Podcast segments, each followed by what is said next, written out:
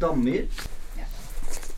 Dammyr, det er Det er tredjeperson og kvinne. Og så er det mine menn.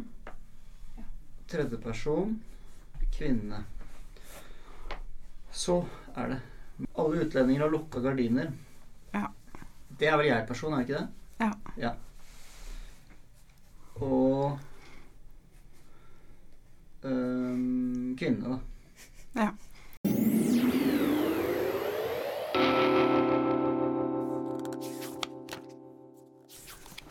Kjære lytter, medborger, medmenneske og bokvenn. Velkommen til denne utgaven av Bladpodden.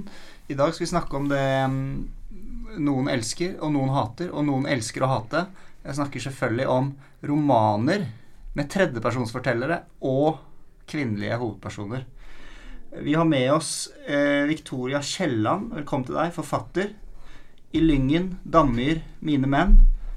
Eh, jeg kan ikke ta hele skjemaet, men det er en del tredjepersonsfortellere der. Og mange kvinner. Ja.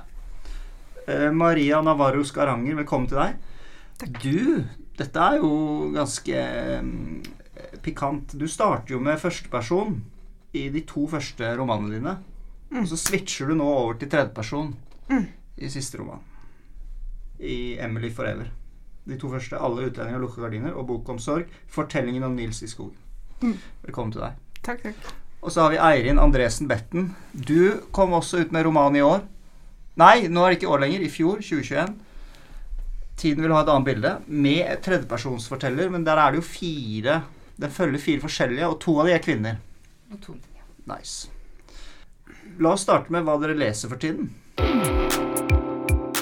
Kjære lytter og medborger. Velkommen til denne fotnoten. Westerdal-studenten som har klippet denne episoden, har som vanlig flyttet det folk leser for tiden, helt til slutten. I bakgrunnen av denne fotnoten så hører du lydene av et moderne kaffehus.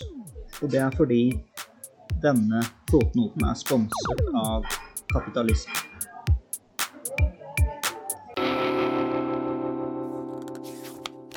Ok. Tredjepersonsfortellere, kvinnelige hovedpersoner. Hva i all verden er det som får dere Som trekker dere mot disse tredjepersonsfortellerne nå? For deg da i din siste roman, og for deg i så å si alle romanene dine, og deg også i din debutroman, Eirin. Hva er det med det hva, Hvilke fordeler har det sammenlignet med f.eks. førstepersonsfortellere? Hvor ligger appellen? Jeg har jo ikke skrevet på noen annen måte. Jeg vet ikke med deg, Maria. Hva du tenker Altså Jeg tror at de Jeg føler liksom at når man begynner å skrive, så begynner man å skrive med jeg. jeg ikke sant?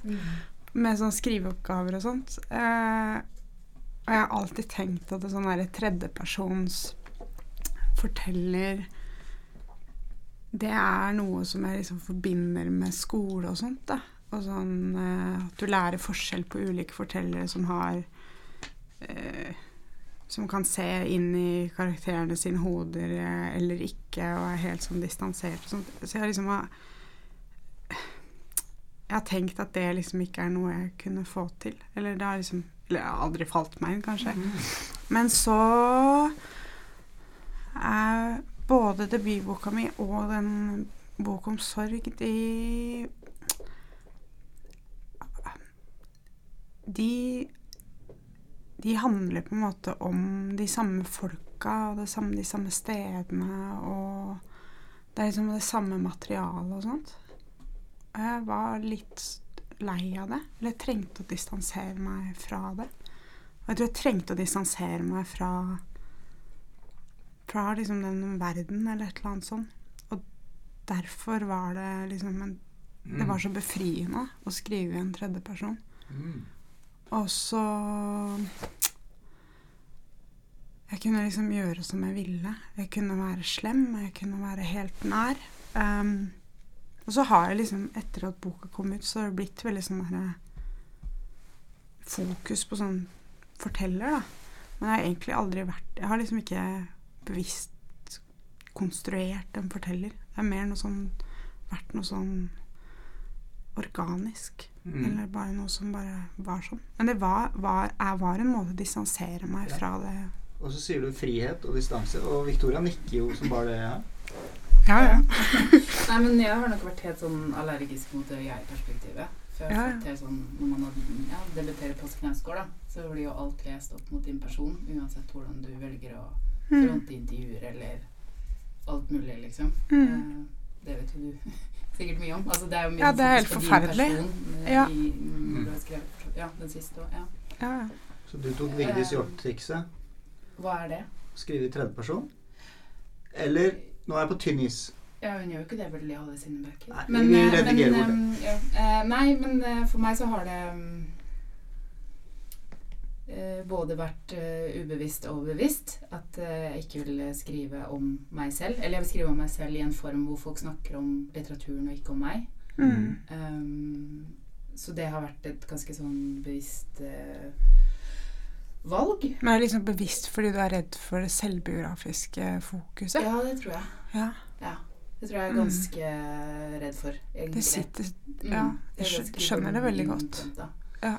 Eh, For det blir lest sånn uansett, så jeg vil ikke gi folk noen liksom hjelpemidler på veien dit. på en måte. Ja. Um, og det tror jeg er sånn post-Knausgård-syndrom. da, At vi er så vant Absolutt. Og sånn derre sånn uh, sosiale medier-tid. At vi er sånn derre pervertert nysgjerrige på at noe Mm. skal bære noe sannhet i seg, og vi skal Mm. se sannheten, og vi skal helt inn, inn, inn, inn til det innerste som er sant. mm. Og det er først når vi får vite om det, om det har skjedd med forfatteren, og ja, da var det sant, da kan vi Mm. oss ut igjen og gå videre på et annet vis. da. Ja. Um, så, og, det, og det er jo kanskje derfor jeg sånn som dette med dette med at jeg leser om norrøn mytologi skrevet liksom i et barnlig språk, eh, er jo også en sånn appell i det. For det er også den der fortelleren som står utenfor og bare beskriver hvordan verden ser ut. Mm. Og så er det nok også det at jeg ofte spør meg sjøl hva skal litteratur være. Og eh, det er så tydelig at man er en person som manipulerer, legger til, trekker fra, konstruerer, vektlegger, lager tyngdepunkter. At det å skrive i tredjeperson gir deg muligheten til å vise fram fortelleren mye tydeligere. At se her, jeg forteller denne historien med en veldig tydelig fortellerinstans eh, som styrer blikket ditt Mm. i en retning, og så eh, er jeg på en måte frigjort, da. For da kan jeg som forfatter gjøre hva jeg vil, men fortelleren er liksom Mm. lager en sånn derre Hva skal man si Slør over, sånn at leseren ikke helt vet hvem den kommer i kontakt med. da. Er det Mm. fortelleren, eller er det meg, eller er det en av hovedpersonene? Mm. Det var et langt svar, men ja. Men det er Ja. Men det er også interessant, fordi jeg tenker på en måte at når man Når man snakker om en så tydelig forteller, så så, så blir det med en gang noe sånn kjedelig med det. Eller det blir noe sånn derre Fortelleren vet alt. Fortelleren liksom har Har med seg en sånn verktøykasse som er liksom at den er liksom teoretisk, akademisk, er liksom, har liksom Mhm. oversikt over alt, da. Eh, og det gjør jo Og det kan jo på en måte gjøre litteraturen også ganske sånn kjedelig, da. Mm. Så tenker jeg. Men det er jo ikke tilfellet med bøkene dine. Nei, men så tror jeg også at det er en sånn derre fuck you til en sånn uh, foreleser vi hadde på um, forfatterstudiet i Tromsø, som sa at det ikke gikk an at fortelleren kunne være alle steder samtidig. Og da tenkte jeg sånn Jo, det går an. Og det er jo Damvir på et eller annet vis et forsøk på. da At den fortelleren kan være i 1968 og 2008 Ja. helt parallelt. liksom Det der tidsperspektivet er liksom helt løsrevet. Ja. Uh, og det, det er ikke så mye mine menn, men det, men det er absolutt til stede. da at, Ja. at hvis du er en allvitende forteller, så kan du også velge hvor du skal være. Hvis du er en jeg-person, så er du faktisk liksom klaustrofobisk inni jeg-personen. da, tenker jeg det. Ja. Ja. Mm. Mm. Ja, nei, det var jo blitt sagt mye av årsakene. Vi har jo, jeg tror det er mye av de samme grunnene til at du velger tredjepersons forteller. En er den distanseringa. Post Knausgård. Du vil vi, vi, vi, Det er en jeg vil faktisk kalle en sånn sykdom, det å drive og lese um, verkene biografisk. At du har den generelle norske leser er nå blitt så vant til at du går inn i et verk, spesielt hvis den er første person, og begynner å lese den ut ifra hva du tror forfatteren er. Det er, det er ikke bra.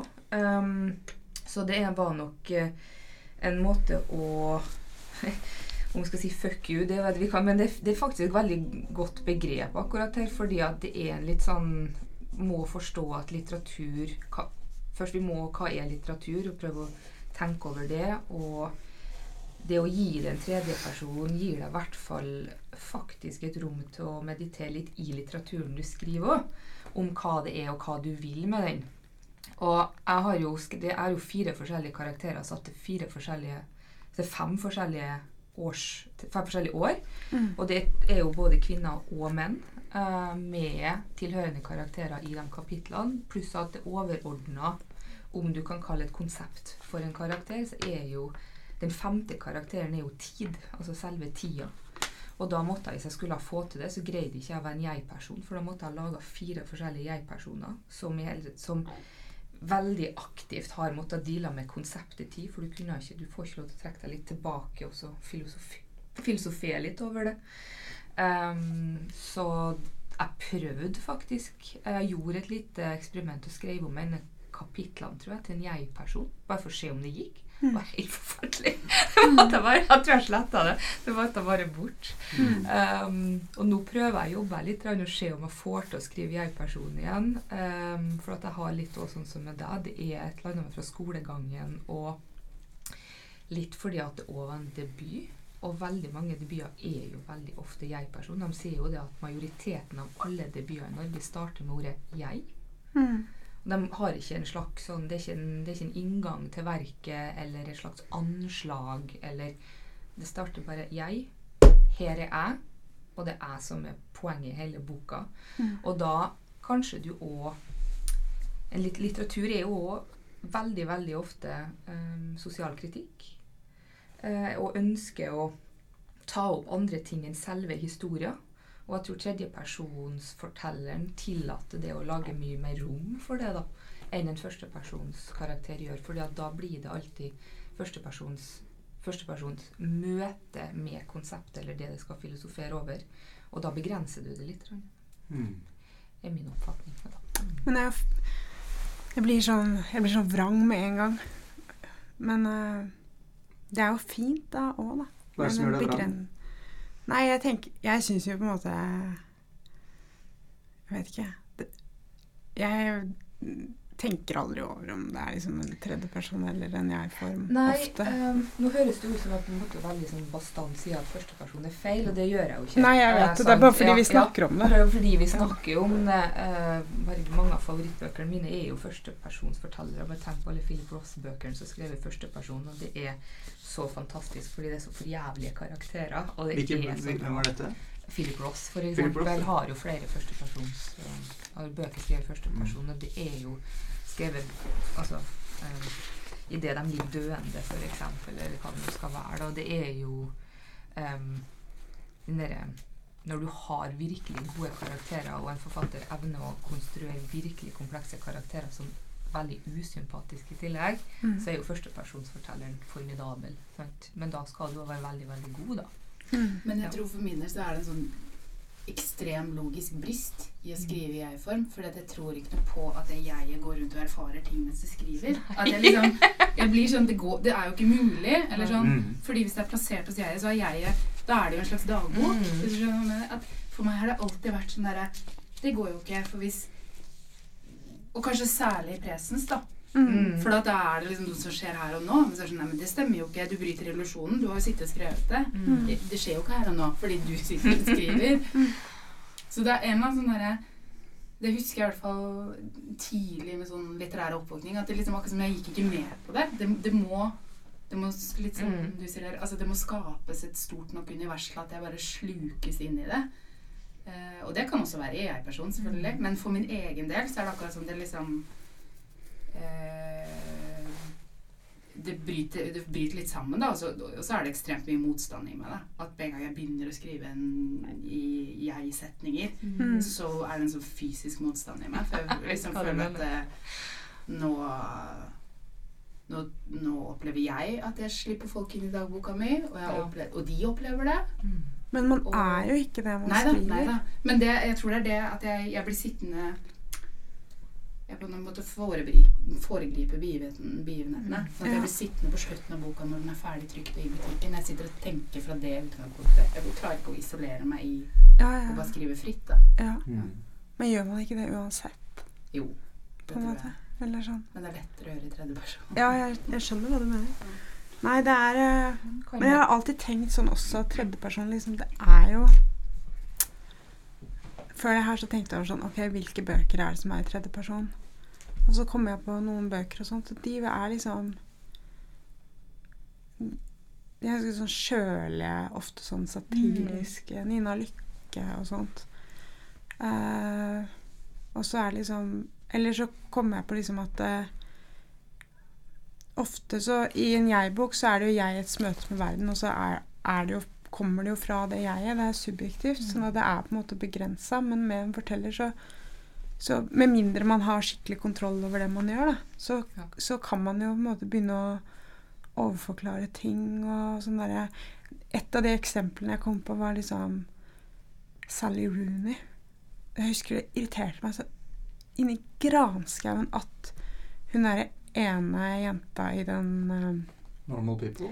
Ja, at hun Hun ville ha noe sånn derre Hun ville bli slått når de hadde sex. Ja, Og det er helt greit, Mm. men så var grunnen til det var da ble, Det ble gitt en grunn, da.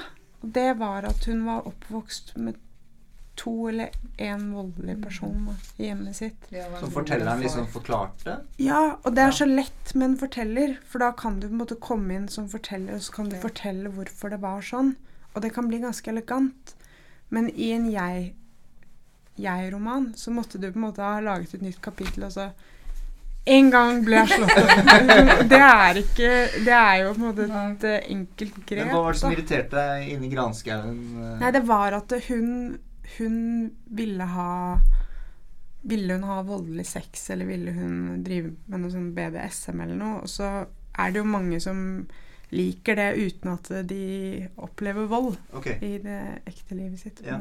Det, Det, en, det trenger jo ikke å gi At det var seg sånn unødvendig? Det det Det var overforklarende, da. Ja, så Overforklarende? Ja. undervurderer du jo en leser. Ja. Det, fordi det blir så endimensjonalt, da. Hvis Ja. du sier 'dette skjedde fordi det var et traume der'. Er ikke Ja. Jeg må bare- Jeg må bare fortelle dere noe. Ja. Fordi eh, broren din, Victoria vi har, vi har snakket om broren til Victoria i det som senere blir en fotnote da, på slutten av episoden. Aksel Kielland. En fanzine som han lagde, hvor de tok den Dere vet den der korte novellen til Visstnok er det Hemingway, men jeg tror ikke Mhm. det er Hemingway. Som er sånn Baby shoes for sale, never, worn. Ja. Men de skrev, hvis jeg husker riktig Husker du den? Eh, Du kan få Ja, det. Så ja. eh, eh, altså barnesko til salgs, aldri, aldri brukt, fordi barnet druknet. Babyen døde. Babyen døde i en grusom ulykke som foreldrene aldri kom over. Ja. Men det er jo stor humor. ja. Men der ødelegger de jo hele novellen på en måte. Eller eh, At du forklarer det. Du forklarer det. Ja. Ja, altså, jo, men jeg tenker jo at noe av det han tuller med der, er jo kanskje litt noe jeg sjøl opplever at jeg jobber med, i hvert fall i mine menn. da. At, Ja. At du blir jo igjen også fortalt ikke drive med telling, du skal drive med showing. Det er det Mhm. liksom jobben som forfatter er. Du skal Mm. vise noe og Mm. gjøre det troverdig, og så skal leseren på en måte gjøre sine egne slutninger. Men jeg tror opp, sånn i mine menn, og, og i dette tilfellet, da, så er det en sånn overtelling, da. At du forteller og forteller og forteller at At du viser og viser og viser og viser og viser at det er et grep i seg selv, da. Ja. Mm. Uh, Mm. Fordi den fortelleren i mine menn eh, gir jo ikke leseren så mye plass til å være fri. Det er jo noe av på en måte den styrte lesningen. Altså denne fortelleren på et eller annet vis hele tiden prøver å tvinge, tvinge en lesning. Og så, Mm. eh, kan leseren sjøl på et eller annet vis bli med eller lukke boka eller gjøre noe annet. da. Mm. Eh, men det er det jeg syns er gøy med det. Og det er jo kanskje det vi Jeg vet ikke om vi skal inn på det Monica Fagerholm-boka. eh, eller alle, hele hennes forfatterskap er jo, som jeg er inspirert mye av, da, er jo nettopp denne fortelleren som overforteller hele tiden. Mm. Men heller ikke lar noe være opp til tilfeldighetene. Hun er jo ekstremt god på hvis hun eh, forteller noe, så får det alltid en konsekvens. Mm. Ja, Monica. Fagerholm. Mm. Det var jeg ikke klar over at det var et grep hun gjorde. At Jeg vet ikke om det er et grep, men det er i hvert fall gjenkjennelig noe du liker med det, Ja, ja. veldig. Mm. Har dere andre tenkt på det? Eller? Ja. Ja? Eh, ja. Men jeg opplever det aldri som liksom At det er liksom noe hun finner på. Det er mer sånn organisk. Det Ja, at ja. hun bare Ja. Og det er liksom fremmed for meg når du liksom snakker om at det er et grep, eller det er bevisst eller ubevisst. Ja. fra, fra en forfatters side så er jo alt det jeg sitter og teoretiserer rundt om nå, skjer jo av seg sjøl når jeg sitter og skriver. ja. Og så er det først etterpå, når noen har anmeldt eller analysert det, så blir man kanskje litt klokere på sin egen tekst. Men, men med hun så opplever jeg ikke at teknikken er synlig. Jeg bare opplever det som litteratur som er skrevet, som er troverdig, som er Hvorfor hadde du disse meg Ja, det gjør jeg, men det gjør jeg generelt med folk som på en måte skal analysere litteraturen, da. Fordi jeg syns ofte så Ja, det, det her det, Altså, det kan jeg snakke breie om, men det er ofte derfor jeg har gjort meg, blitt, følt meg fremmedgjort av litteraturvitenskap, f.eks. For eksempel. Fordi at jeg sjelden opplever at vi klarer å snakke om litteraturen vitenskapelig på en sånn måte som jeg føler at utvider min Mm. opplevelse av verket. da. Jeg Mm. opplever veldig ofte at det begrenser min opplevelse av verket. sånn Mm, det gjør det. ja, at, vi, at det språket blir begrensende mer enn at det blir mm. eh, Mm. det, var ikke, det var en disse litteraturvitenskapelige studier, ikke av Jonas. Men- Takk. Men um, jeg må utfordre dere litt. Mm. Et sitat. Jeg vet ikke hvem som har sitatet. Jeg tror det er Peter Hanke. Det, det kan jo ikke være Hanke, det stemmer jo ikke. Men vi prøver allikevel. Det er i hvert fall noen som har sagt at all litteratur som ikke er um, skrevet i første person, er triviallitteratur. Ja, det er jo tull. Vil jeg si. Kan jeg komme med en påstand? Ja. Jeg tror det er mange menn vil si det. Mm. Mm. Hvorfor, Hvorfor, Det tror jeg. Det er bare menn som sier sånne ting. Få høre begrunnelse. Nei, fordi at menn, når de først bestemmer seg for å bli forfattere, så har de noe stort på hjertet, og det handler ofte om dem selv. Ah. Mm. Mhm. Eh, og, og mm, altså, det er jo ikke så kontroversielt. Det er jo ikke den største brannfakkelen. Jeg har jo hørt menn si det før dette sitatet kom. Men at, at, at det er noe med at uh, dette jeget som vi snakka om innledningsvis, da, at det er det som gjør litteraturen relaterbar. Og det, det er jo et mm, Hva skal man si uh, Det kan man jo gjerne mene. Det gir jo men, altså, det Jeg kjenner meg også igjen i bøkene jeg- jeg-personer. Mm. Menn og kvinner. Mm. Uh, men det betyr jo ikke at man skal liksom avskrive alle tredjepersonens fortellere i hele verden, i all verdens litteratur. Det, Mm. Jeg tenker bare på Ian Foster. Nå, han har jo skrevet alle bøkene sine i tredje person. Han skrev jo ikke så mange, men de er jo alle skrevet i tredje person. Mm. Han ville nok aldri ha sagt, sagt det der. Eller påstått noe sånt. Han, jeg Han, føler at dere han virka som en er imot, går litt imot meg nå. men Det er greit. Hva syns du, da? Ian? Foster jeg, Og jeg er ikke vant til å, å bli satt til veggs på den måten. Eh, Jeg eh, Nei, det er Det er jo et meningsløst sitat, det er jo det. Ja. Men jeg tror det, det Man må jo egentlig vite hvem som har sagt det. Men, men det jeg syns er gøy med det, er Og det er kanskje noe av det jeg hører deg si, Victoria. At hvis noen sier at du må show don't tell, så er det litt gøy å få til tell. Og det samme her er triviallitteratur. Er ikke det fett? Mm. egentlig. Altså gjør det på en god måte, da. Mm. Så det er vel mer en eh, Det er jo et litt provokativt sitat, men det funker jo ikke så godt. Man blir ikke så provosert. Men jeg, Det er jo fordi også show don't tell. Det er jo som du hører så mange ganger, og da At man blir liksom Det blir liksom presentert som enten-eller, da. Mm. Men det er jo på en måte Ja. begge deler. mm. Uh, Jeg må spørre om en siste ting om tredjepersonsfortellere. En tredjepersonsforteller jeg liker veldig godt, er Camilla Collett eh, sin forteller i 'Amtmanns døtre'. Fordi hun har sånne utbrudd til lesere. Det var vel vanlig på 1800-tallet. Sånn 'Kjære leser'. ja. Og det kan man gjøre i første person òg, men hun gjør det i, i tredje person. Og her, at de liksom bare pauser historien. Altså det grepet liker jeg veldig godt. Mm. Den type sånn Ja, men der er det jo et grep. Ta skritt ut. fordi du på et eller annet vis ehm, Det er noe du setter pris på med boka, men det, Mm. det er liksom når man går sånn teknisk og skal begynne å analysere hvorfor ting er gjort sånn eller sånn eller sånn, eller sånn. det er kanskje der jeg blir litt sur på det teoretiske inngangen. Ja. Men er du enig at det er, det er herlig når du, den type fortellere? ja, når det er gjort godt, da. Mm. Alt, alt funker jo så lenge det blir gjort bra. Ja. Mm. Jeg syns f.eks. et av problemene mine med den eh, 'Hvem drepte Bambi?' av Monica F- Fagerholm, er at den f.eks. begynner med sånn Jeg er ikke så veldig opptatt av sånn den første og den siste setningen. Jeg driter i det. Men den begynner Vi kan jo begynne her en morgen i september 2014. Og så fortsetter den liksom litt sånn Nå går jeg litt videre.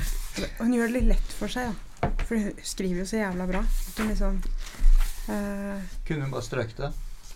Ja, det kunne Det kunne Det kunne. strøket. Det var ganske mange sånne ting. Men, eh, men eh, det var bare en liten eh, Men det var fordi jeg begynte å tenke på sånn fortellere og sånt. Ja. Og så er det fordi jeg nettopp har hatt en sånn skriveklasse eh, i prosatekst. Og så, så prøver man å vise hva som på en måte kan kuttes, da. Mm. Eller hva som Eller hvorfor noe Ja. Da blir man sånn detalj Men det synes jeg med, Nå har jo vi tatt inn henne fordi hun er et eksempel på en kvinneho... Altså det er vel, Det er jo ikke Skifter ikke perspektivet der? Jo. Jo, det det er i hvert fall en tredjepersonsforteller. Ja. Men jeg opplever jo eh, Ja, at, at den boka er jo også den mer tilgjengelige bøkene hennes. Hun er jo mye mer fantasifull med fortellerinstansen i de andre. Mm. Um, som 'Vidunderlige kvinner ved vann' eller 'Lola opp ned' eller 'Diva', for eksempel, da, som er jo den mm. hun ble mest kjent for. Som Hvordan fortoner det seg da? Det er mye mindre liksom, hensynstagen til at leseren skal forstå alt mulig. Det er, liksom Mm. noe, det er en sånn tillit til at du må bare lese ferdig boka, så skjønner du det. Du må liksom gå om på disse premissene. Mens her, og det er kanskje litt det den første setningen viser, da. At vi kan jo begynne her. Altså en sånn, en sånn Mm. lede leseren inn. Bli med meg inn her. Mm. Um, Mm. Mm. Skal, vi, vi må, skal vi hoppe til kvinnelige hovedpersoner? Kvinneord. Det var det òg. Ja. er det? Ja, for det er jo komboen. Ja. Ikke bare er det tredjepersonsfortellere. Ja. Men hva er det med de kvinnelige hovedpersonene som har grepet dere så sterkt?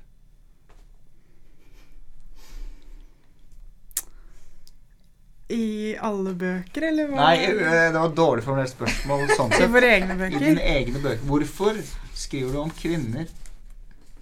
I tredjeperson, og I hvem er det vi er Akkurat nå er det kvinner vi tenker på, da. I, i Min menn, Emily Forever, og dine to kvinner da, i Tiden vil ha et annet bilde.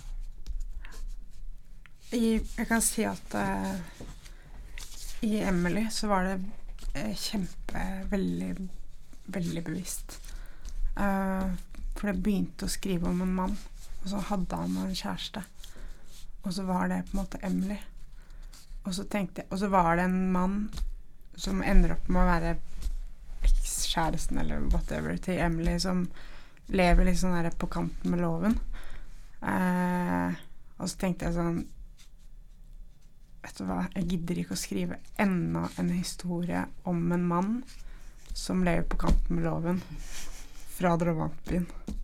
Eh, fordi at eh, veldig mye av den litteraturen som er fra liksom, drabantbyene i Oslo, er, eh, handler om menn. Så det er ganske Ja, ganske Det narrativet om eh, f.eks. Groruddalen er eh, ganske maskulint. Og det er et problem. Uh, ja.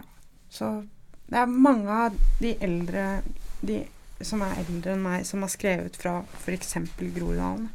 Sånn Per Petterson og Røe Jacobsen og sånt, har jo Jeg har aldri lest Røe Jacobsen, så jeg vet ikke. Men f.eks. Per Petterson, som jeg liker veldig godt, da. Men han jo- skriver jo også ofte om menn. Men så har det vært et sånt Føler jeg det har vært en ganske sånn stor det har, Så har det vært et sånt hull, hvor det har ikke vært så mange forfattere som har skrevet og sånn. Men da har det på en måte vært uh, hiphoperne og rappen som har stått for mye av teksten, og det er jo også menn. Og hiphop er jo maskulint, og, og det gjør at eh, Tror jeg også Og så har det kommet flere forfattere seinere og sånt, men det er også er jo også mye menn. Og det tror jeg også gjør noe med hvordan Hva folk tenker, da, om eh, om drabantbyen og sånt. Og at eh, Se på TV-serier og sånt. Det er jo bare masse TV-serier om liksom Om gutta. Det er så lett å lage gutta, liksom. Mm. Men hva med de jentene eh, som Som Ja, som Som ikke blir med i en eller annen gjeng, da. Eller sånn. Ja. Jeg syns det var eh, Jeg ville gjerne skrive om det, da. Mm. Så hun startet som en uh, kjæreste til en, uh, en, en din første hovedperson, og så skjønte du at det var egentlig der prosjektet lå? Ja, jeg Ja. tror det. Mm. Mm. Hva med deg, Victoria? Um, nei, si det. Um,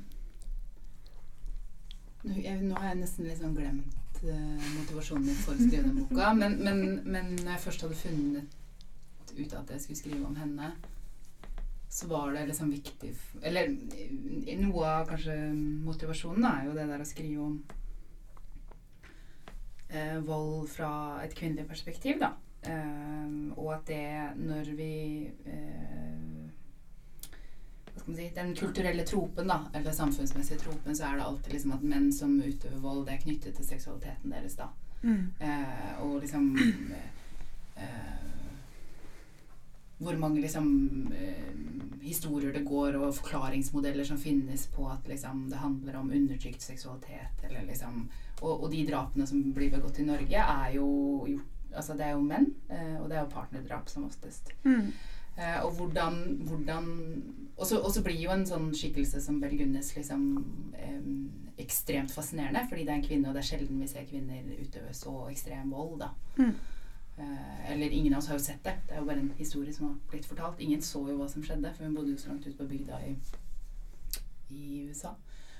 Eh, men eh, hvordan skal man på en måte gjøre det til en historie og en fortelling og en eh, sinnstilstand som man er villig til å gå inn i da, som leser eh, i dagens eh, samfunn. Og da var det for meg naturlig å koble det opp mot en sånn eh, veldig kroppslig følelse. For det er jo der på en måte volden utøves. da. Ja. Mm.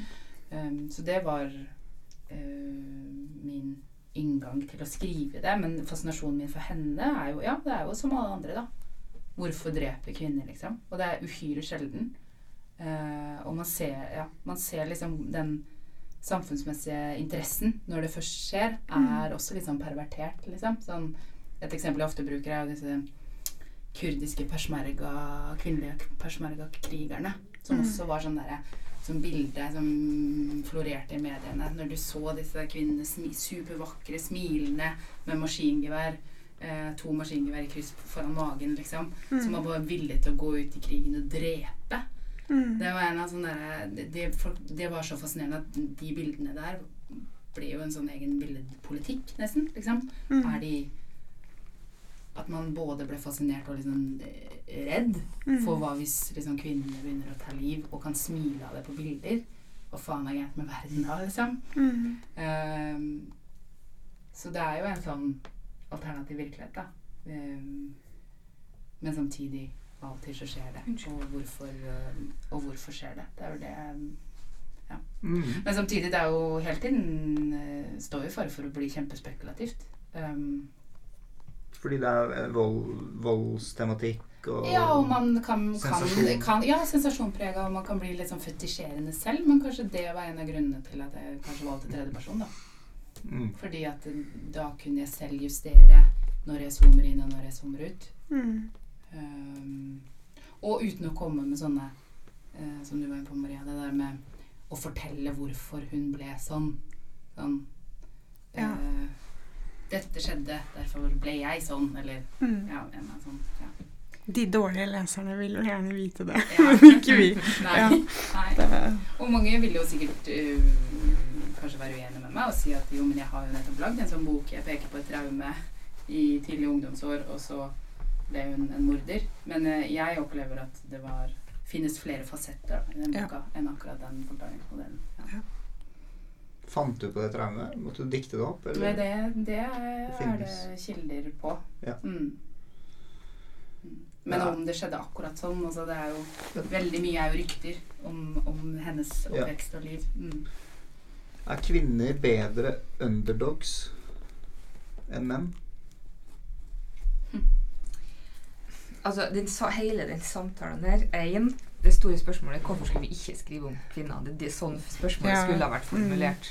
To, vi er jo tilbake i god gammeldags Virginia Woolfland her, ikke sant? Room of One Zone, hun står utafor bibliotekene, eller Oxbridge-bibliotekene, og lurer på hvorfor hun ikke slipper inn som en intellektuell kvinne og trenger å ha tilgang til kunnskapen i bibliotekene, men hun får det ikke fordi at universitetene er forbeholdt menn, og kunnskapen innenfor døra er for menn.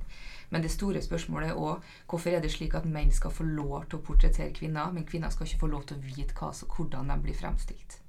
Sant?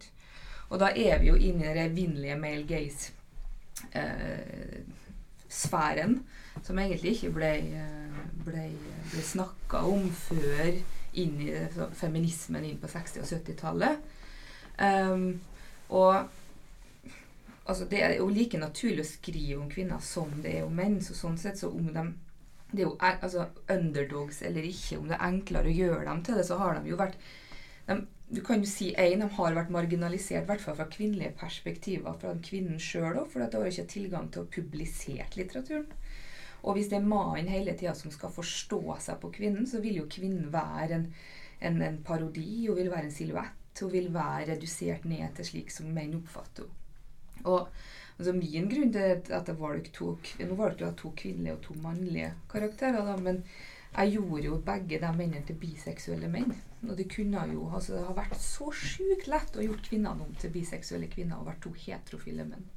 Men sånn sett er det mennene i den boka. Så Kasper er jo en veldig sånn semifeminin um, karakter. Så først, som i avsluttende kapittel, har en affære med ei kvinne som er 15 år eldre enn han.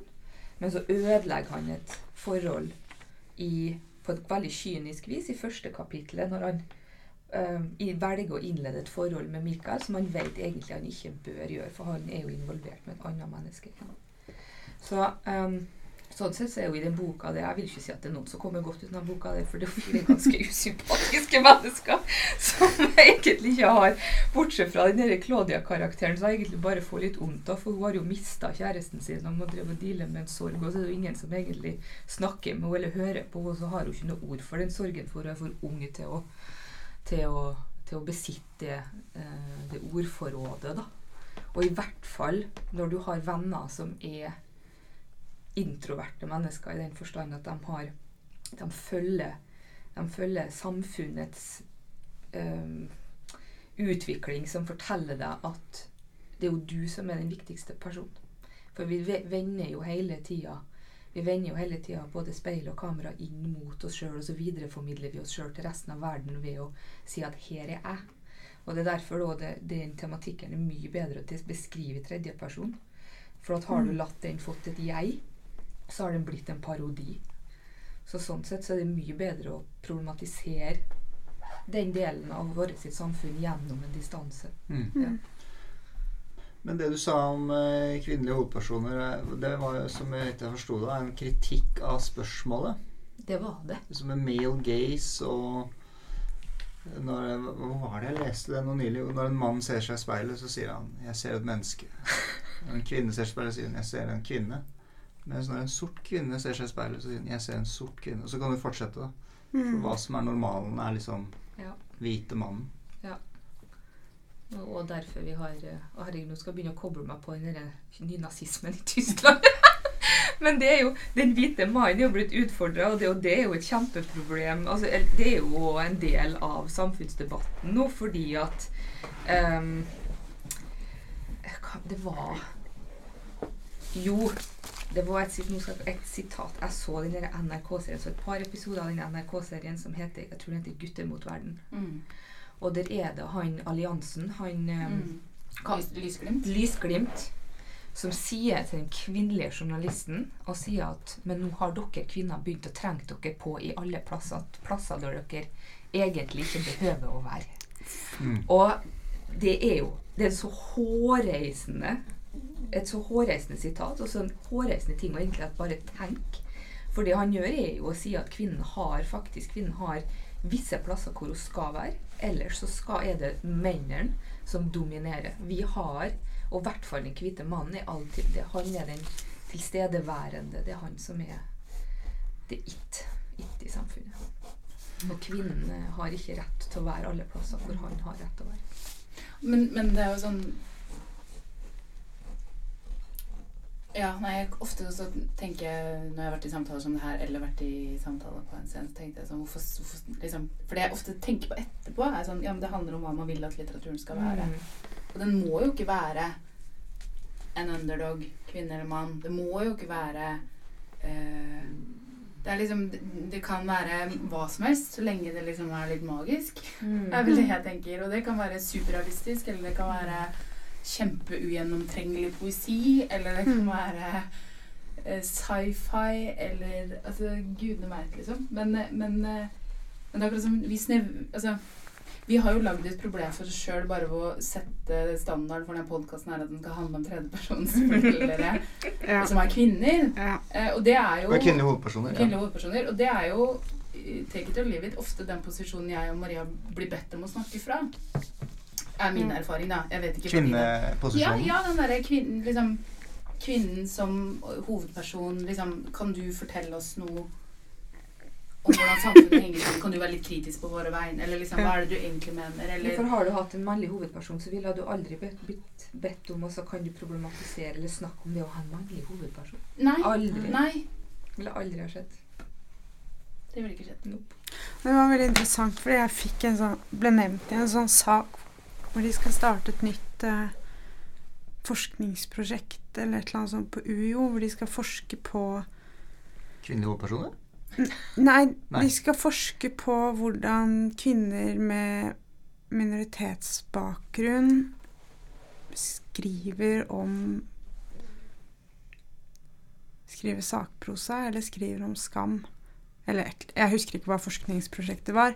Poenget var at saken eh, lagde en, så, en sånn skillelinje mellom hva kvinnene drev med, og hva mennene drev med. Og da hadde de eh, de eh, kvinnene da, som hadde skrevet den Skamløs-boka, og så refererte de, de, refererte de til Sumayajid Ali og eh, hva heter hun, Kamara Lundestad Sjof, yeah, som har skrevet en bok sammen om eh, rasisme. Og da mente de at kvinnene på en måte holdt på med sakprosa, og så, og så sa de at mennene, det var liksom Jonas Kemiri, Sersan Shakar og Yahya Hassan skrev liksom selvbiografiske, ofte tragedier. Og da tenkte jeg bare sånn eh, Mens på en måte kvinnen holdt på med skam, da. Ja. Og da tenkte jeg sånn Så kort er liksom Det er akademia. Det er akademia, ja. Det er ganske- ja. Det var ganske Så kort er Så kort Kort er man kom, kommet. Mm. Ja. Uh, For det vi snakker om, er jo at tematikk Vi må jo prøve å bevege oss vekk fra kjønnetematikken i bøkene. Sant? Det er jo det som er ja, og det Ja. var akkurat det Ja. vi gjorde. Også på, på, som et forskningsprosjekt. Som- som Veldig tema. spesielt. Som om temaet litteraturen er knytta opp til kjønnet som har skrevet boka. Ja. Og det er jo, det er jo problematisk. Ja. Eller er du uenig, Jonas? Mitt kall er ei at svare. Jeg har et spørsmål til dere. Ja. Dere har jo k k kvinnelige hovedpersoner med tredjepersonsforteller. Men det er jo ikke sikkert at fortelleren er kvinne. Fordi fortelleren Og fortelleren er jo ikke forfatteren. Mm. Fortelleren er jo den som forteller om kvinnen. Mm. Er fortellerne deres kvinner? Fortellerne mine er ofte Gud. Som er litt sånn kjønnsløs enehersker i sitt Mm. eget univers. Ja. ja. Ja. Du ser, ser den ikke for deg som en kvinne eller mann heller? Nei. Den har jeg kanskje ser- ikke men, Nei, er for meg er det mer en sånn med fare for å bli litt sånn naturromantiserende. En sånn vind eller en kraft i verden Ja. som bare glir gjennom alle ting på et eller annet vis. Ja. Ja. Sånn panteistisk tankegang. Men ja, sånn at det liksom Gud er i alle ting. Fortelleren er i alle ting. Ja. Mm. Ja. Jeg har alltid sett for meg et lite vesen da, som sitter i et hjørne, ikke nederste hjørne, men øverste hjørne i et rom. Ja. Vet ikke hvordan, altså Det er et ukjønna vesen, men jeg har alltid tenkt på det Når vi har snakka gjennom hele skolegangen, alt sammen Når vi har snakka om tredjepersons fortellere, har jeg alltid sett for meg et litt sånn en liten klump av noe. Også med ei penn og papir. Mm. som sitter i øverste hjørne i et rom og bare skriver. Mm. Det er det jeg har tenkt.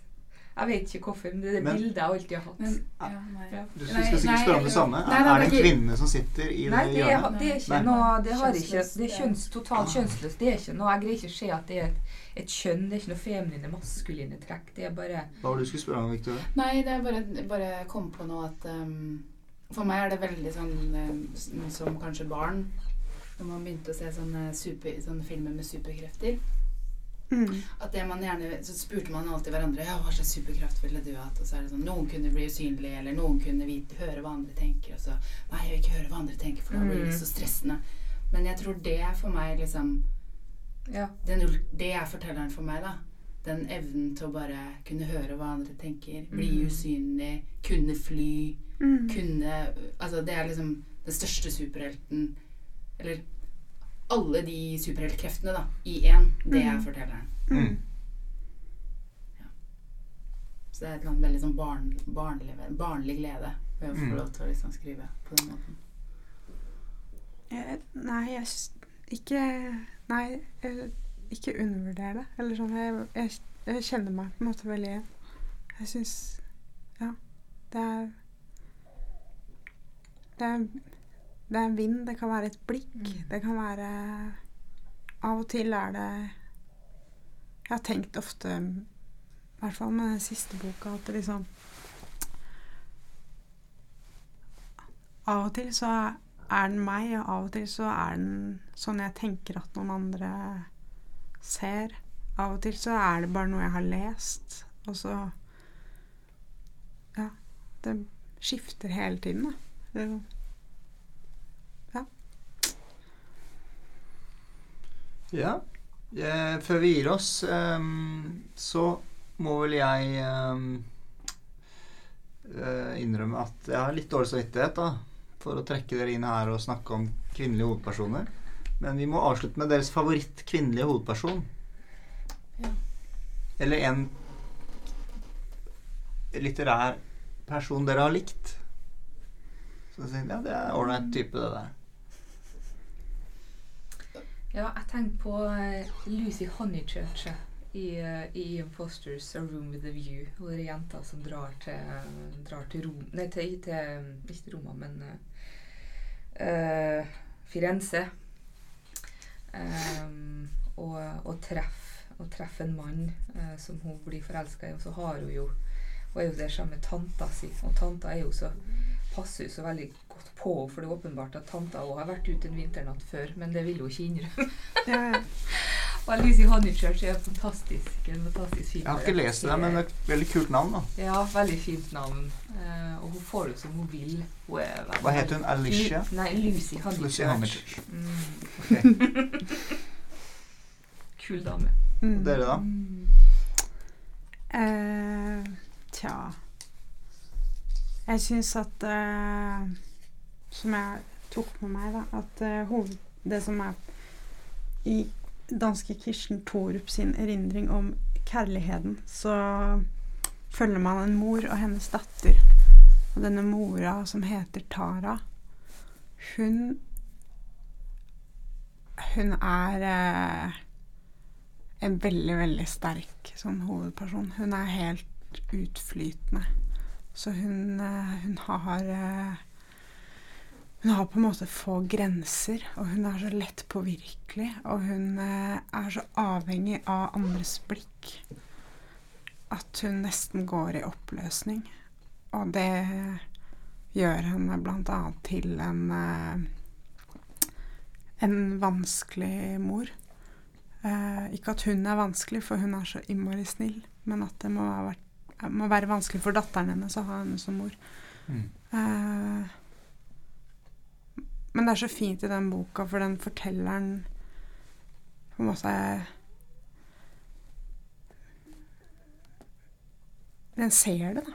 Den ser at hun er helt uh, At hun er helt sånn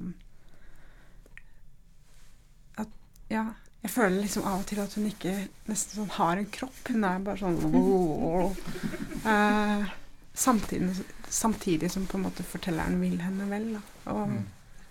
skildrer livet hennes varmt. Og hun er også skuespiller. Uh, en uh, ikke noe flink skuespiller. Det blir på en måte ikke noe ordentlig ut av henne. Men hun, hun går inn i andre roller. Ja. Veldig fin hovedperson. Jeg ikke lest men det skal, skal jeg gjøre. Ja, den er veldig smertefull skildring. Ja. Mor og datter. Ja. Ja, den er veldig fin. Nei, jeg blir veldig sånn, føler meg veldig forutsigbar, da. Um, uh, Monica Fagerholm sin bok 'Diva'. Uh, Diva er jo en tenåringsjente som Grunnen til at jeg liker hun er liksom at hun ljuger så masse. Uh, eller hun lju- finner på. Altså finne på å ljuge. Det er jo kanskje to sider av samme sak. Men hun, hun konstruerer ofte liksom virkeligheter på en sånn måte som hun, som hun selv kan leve i. da. Og så viser det seg at det ikke er sant. Men det kan, det kan ta lang tid for leseren å forstå. Mm. Ehm, og, det, og når du skjønner det, så blir det, det tilfører et sånn nytt lag til boka. For det er en sånn lekenhet det jeg har gjort med. For det er så sømløst gjort at du du merker ikke når du går liksom inn i hennes univers, og når du er liksom på hva skal man si, storfamilien sitt univers, Mm. og når du er i liksom samfunnets byunivers, er Mm. liksom, og når du er inne i klasserommet på ungdomsskolen, og når du er med hockeymødrene, og når du er med ja, eh, med en venninne du ikke vet om er en venninne. Altså, det er liksom Nei, det er eh, det, det har vært veldig inspirerende, apropos dagens tematikk, å lese den boka der. Og den er, den er jo ofte så kan den være skrevet så utmattende at man nesten ikke orker å lese så lange strekk av gangen. Fordi Mm. eh, du blir så inn, inni det, da. Men um, Mm. det er en eh, veldig flott bok, og veldig godt fortalt. Og hun er bare helt sånn skjødesløs og hensynsløs, men også veldig vital og nesten forelska i livet, da. Hun Mm. diva. Mm. liksom Nei, det er en veldig stor bok. La oss starte med hva dere leser for tiden. Så da kan vi kan spinne blyanten. Det gjorde vi alltid i gamle dager. Jeg Oi, oi, oi. Det har vi sluttet med etter Zoom. Ja, det er lurt, det. Det var meg. Ja, jeg har faktisk lest ut en bok for eh, i går, eller for to dager siden, og det var eh, den eh, ulveboka til Knausgård. Jeg husker ikke helt hva den heter. Morgenstjerne? Nei. Nei, det er den nummer to. 'Evigheten i ulvenes historie'. Eh, Jeg syns de Morgenstjernen-serien hans synes jeg er veldig spennende. Og jeg syns jeg er veldig liksom betatt av det som folk kaller for nyåndelighet, og det med Gud og evig liv og ja, denne stjernen som dukker opp på himmelen, og så påvirker den folk på Ja. mystisk vis. Nei, vi Jeg har aldri lest Knausgård. jeg syns det er kjempefint. Det er en løgn. Er det? Ja, det er det. Nå avbrøt du. Ja, nei, det Jeg, jeg har alltid vært begeistra for Knausgård. Men var ikke den siste litt lang? De sier at den er så lang, den forrige, at det er mye sånn mye sånn hverdagsting som de, ikke de som kritikerne ikke skjønte helt hvorfor var dette med og sånn. Ja, eh, det er det jo, men det er jo ikke derfor man eh, Man leser den jo, og så er jo på en måte det store spørsmålet hva er greia med den stjernen? Mm. Og det er også grunnen til at man leser videre. Det er grunnen til at jeg leser videre, da. Så jeg driter egentlig i, Ja.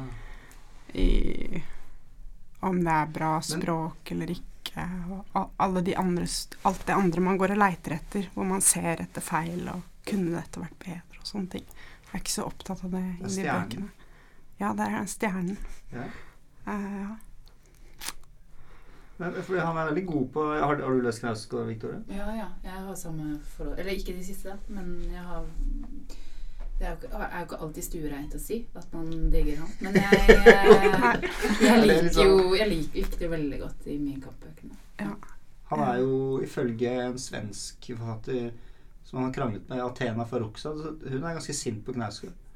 Hun er sint på alle, Ah, ja, ok. okay. er hun ikke det? Ja, det er mulig.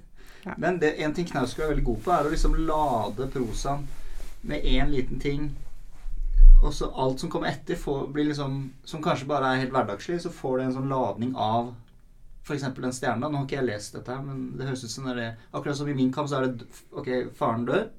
Og så alt som kommer etter, får liksom en klangbunn Det er av jo det. god litteratur, da. Det er jo liksom det. Jeg, Ja, ja. Jeg, jeg, det han får ofte den kritikken at detaljnivået er litt sånn snorkfest. Men jeg syns liksom det funker, ja. Fordi Ja. ja, det er en, en symbolsk forskyvning. Ja. Og så går døden inn i alt han tenker og er og Ja. kjenner på. Og så er, er det bra. Det er liksom bra, bra litteratur, da. Da, Ja. da kan det være hva som helst, egentlig. ja. Og så skriver han jo Han skriver nydelig om liksom landskap og, Mm. og miljø og sånn skildringer fra liksom sånn sørlandsområder og sånn, som er veldig gjenkjennelig. Jeg syns det er Mm. veldig fint. Og ja, også veldig sånn ja, Blir jo interessert i når han skriver om sånne ungdommer som driver og skal gå på fest, og så er de forelska, og så funker det ikke, men egentlig så har mora kreft, og så Jeg vet ikke. Det Shit.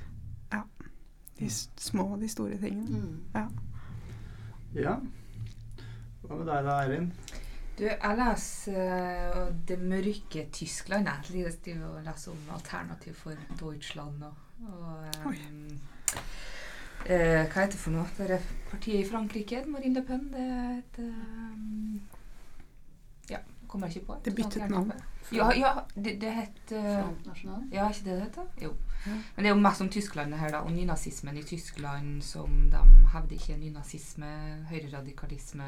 Det å forstå hvorfor um, Hvorfor det har en oppblomstring. uh, og ikke minst så har det vært en sånn en, en slags forståelse, en sånn fellesforståelse i Tyskland at de har vært immun for det her pga. andre verdenskrig. Mm.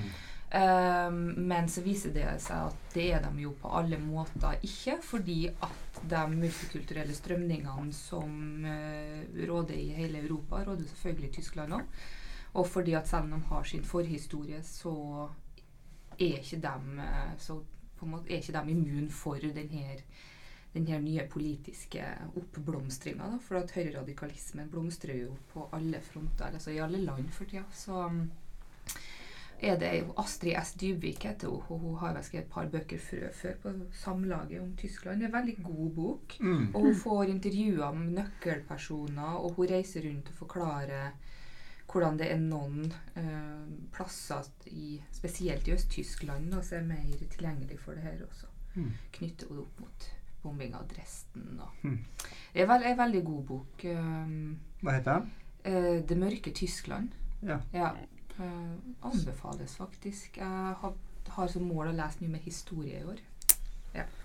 Har satt meg litt mer inn i Mm. historie. Det har vært veldig mye sånn mye sakprosa siste åra, mye teknologi og samfunn og sånn, men eh, Nå er det høyreekstremisme. ja, vi har starta der. Stemmer du Eh, Høyre selv, eller? Nei, Jonas, det Nei. gjør jeg. Gjør okay. det? det syns jeg ikke vi skal eh, snakke om åpent om. Det er hemmelig valg. Hva med deg, Victoria? Hva leser du? Um, jeg leser flere ting. Um, men um, det jeg kanskje leser mest, er uh, en sånn Hva skal man si? Ikke antologi, men boksamling uh, som heter Vår gamle gudelære. Som uh, kom når vi ja, på, på 80-90-tallet, tror jeg. Tor Åge Bringsværd skrevet. Og hver, hvert bind er en unik kunstner, da. Så den er illustrert Så jeg vet ikke hvor mange bind det er totalt. Kanskje 10-15. Um, og så er de De er liksom Ja, de er ganske vanskelig å få tak i. Så broren min um, fikk tak i ganske mange bind som jeg fikk i julegave, da. Bare for de som ikke vet det, er det snakker vi om uh, Aksel Kielland. Ja. Som er altså mm, Han skriver for Morgenbladet om eh, TV, Populærkultur. populærkultur. Ja. Ja. Mm. Er det broren din? Ja. Jeg hørte nettopp på den podkasten for første gang, ja. og så sa jeg etterpå at uh, han er jævlig flink. Han er grunnen til at man hører på radio. For han har et språk som jeg ikke selv kan. Nei. som er veldig flink. Glup type. Veldig glup. Mm. Mm. Og han skaffet da et bokverk til deg? Ja, eller de, disse bindene har jeg ønska meg lenge, da. Uh, men de er veldig vanskelig å få tak i. Og så er, er det Gyldendal, tro. De ga ut en sånn sam, samlende bok. En sånn ganske sånn tjukk bok. Um, Vår gamle gudelære. Eller ja, noe sånt. Så det er liksom norrøn mytologi for barn, da. Spennende. Så det, Du liker jo guder og sånn. Ja. Du sa jo det. Det generelle spørsmålet. Du Ja. liker Ny, guder. nyåndelighet er jo kanskje noe annet enn eh, Jeg tror jeg bare sa. Gud, for jeg vet ikke helt hva nyåndelighet betyr. Å ja. Eh, Ok. Ja. Men det er vel eh, Men er, vi, altså, er det ett bind til hver gud? Nei, nå husker jeg jo ikke Jeg kan jo ikke den norrøne mytologien så godt, men det, men det er jo Jo, det er kanskje ett bind til hver nye karakter som blir beskrevet. Ja. Så det, det er- starter jo med liksom hvordan verden Ja. oppstår. Ja. Men bare for, Det er vel noen nyåndelige retninger, tror jeg, som, som bruker norrøn um, religion. Men de, er veldig, de er, har det jo vanskelig pga. De har blitt veldig svertet uh, pga. Vigrid og nazistiske bevegelser, som også har brukt norrøn religion. Så de på en måte må distansere seg fra dem, samtidig som de vil gjerne tilbe Odin, liksom. Mm. Nei, det er, jo, det er jo ikke liksom noe jeg roper høyt om at jeg driver og leser norrøn mytologi. Det har jo ikke de beste konnotasjonene. Ja, det, Men, men eh, det syns jeg det bør få. Det er noe virkelig noe stå, Altså, det er jo kulturelle røtter i, i Norden som også er veldig spennende, da. Og hedenskap eh, som et eh, en sånn motvekt til kristendommen og alt det der. Jeg vet ikke om det nødvendigvis er min eh, tilgang tilnærming til det.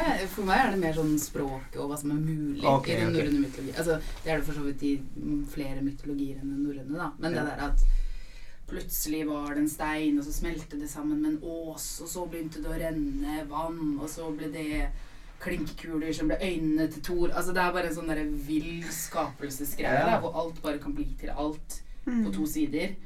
Og så er det bare helt naturlig at man parer seg med en hest, og så blir det Gud, og så er det Og så skjønner jeg ikke alltid hva som er forskjellen mellom menneskenivået og gudenivået, fordi de omgås jo i samme verden, og så er det sånn Mm. Det du trodde var sant, er ikke liksom sant. Ja. Neste- greske Ja, ikke sant? Det er jo ganske Akkurat. likt. Ja. Mm. Men det er den der følelsen av at alt er mulig, da. Jeg tror det er det jeg liker med det. Ja. Og så er det veldig fine illustrasjoner. Ja. Herlig. Kult. Ok. Da skal vi komme til um, temaet for dagen. Skal ingen spørre hva jeg leser? Jo, Jo. hva leser du, Jonas? Jeg leser På sporet om tapte tid av Pros. Er det, er det på tull? Nei! det Ja, det er sant, men jeg, jeg, kommer, jeg står fast. Jeg står veldig fast. I, i bind to, eh, del to av bind to. Hva gjør at du står fast? Jeg syns ikke det er engasjerende nok. Jeg syns det er for mange digresjoner. Hvor lenge Og når du har lest første bind, så vet du litt hva det går i. Og det er ikke Jeg, jeg, jeg nyter ikke så hardt, liksom, at uh, Nei, jeg, Men nøt du første bind hardt? Ja Du skal eh, Jeg snakker ikke av erfaring, for jeg har ikke lest det selv, så jeg vet ikke. andre del av første bind, som er en slags roman i seg selv, for det handler om en svan som er en sånn familievenn av, av denne hovedpersonen, og den er veldig artig. Det er, det er et plott også, et narrativ. I tillegg til alt i alle disse skildringene. Men jeg syns det bare blir litt for um, Han breier seg ut så veldig, da. Men det er jo derfor folk elsker det, så Så ikke gi det opp. Men jeg leser det sammen med American Psycho av Brett Easton Ellis. Ja, en fin balanse. Ja, og den koser jeg meg med. Selv om det er er forferdelig innhold, så merker jeg at det er en bok som gir meg trøst. Selv om jeg, men det er bare fordi den er god, liksom. Ja, det er en veldig god bok.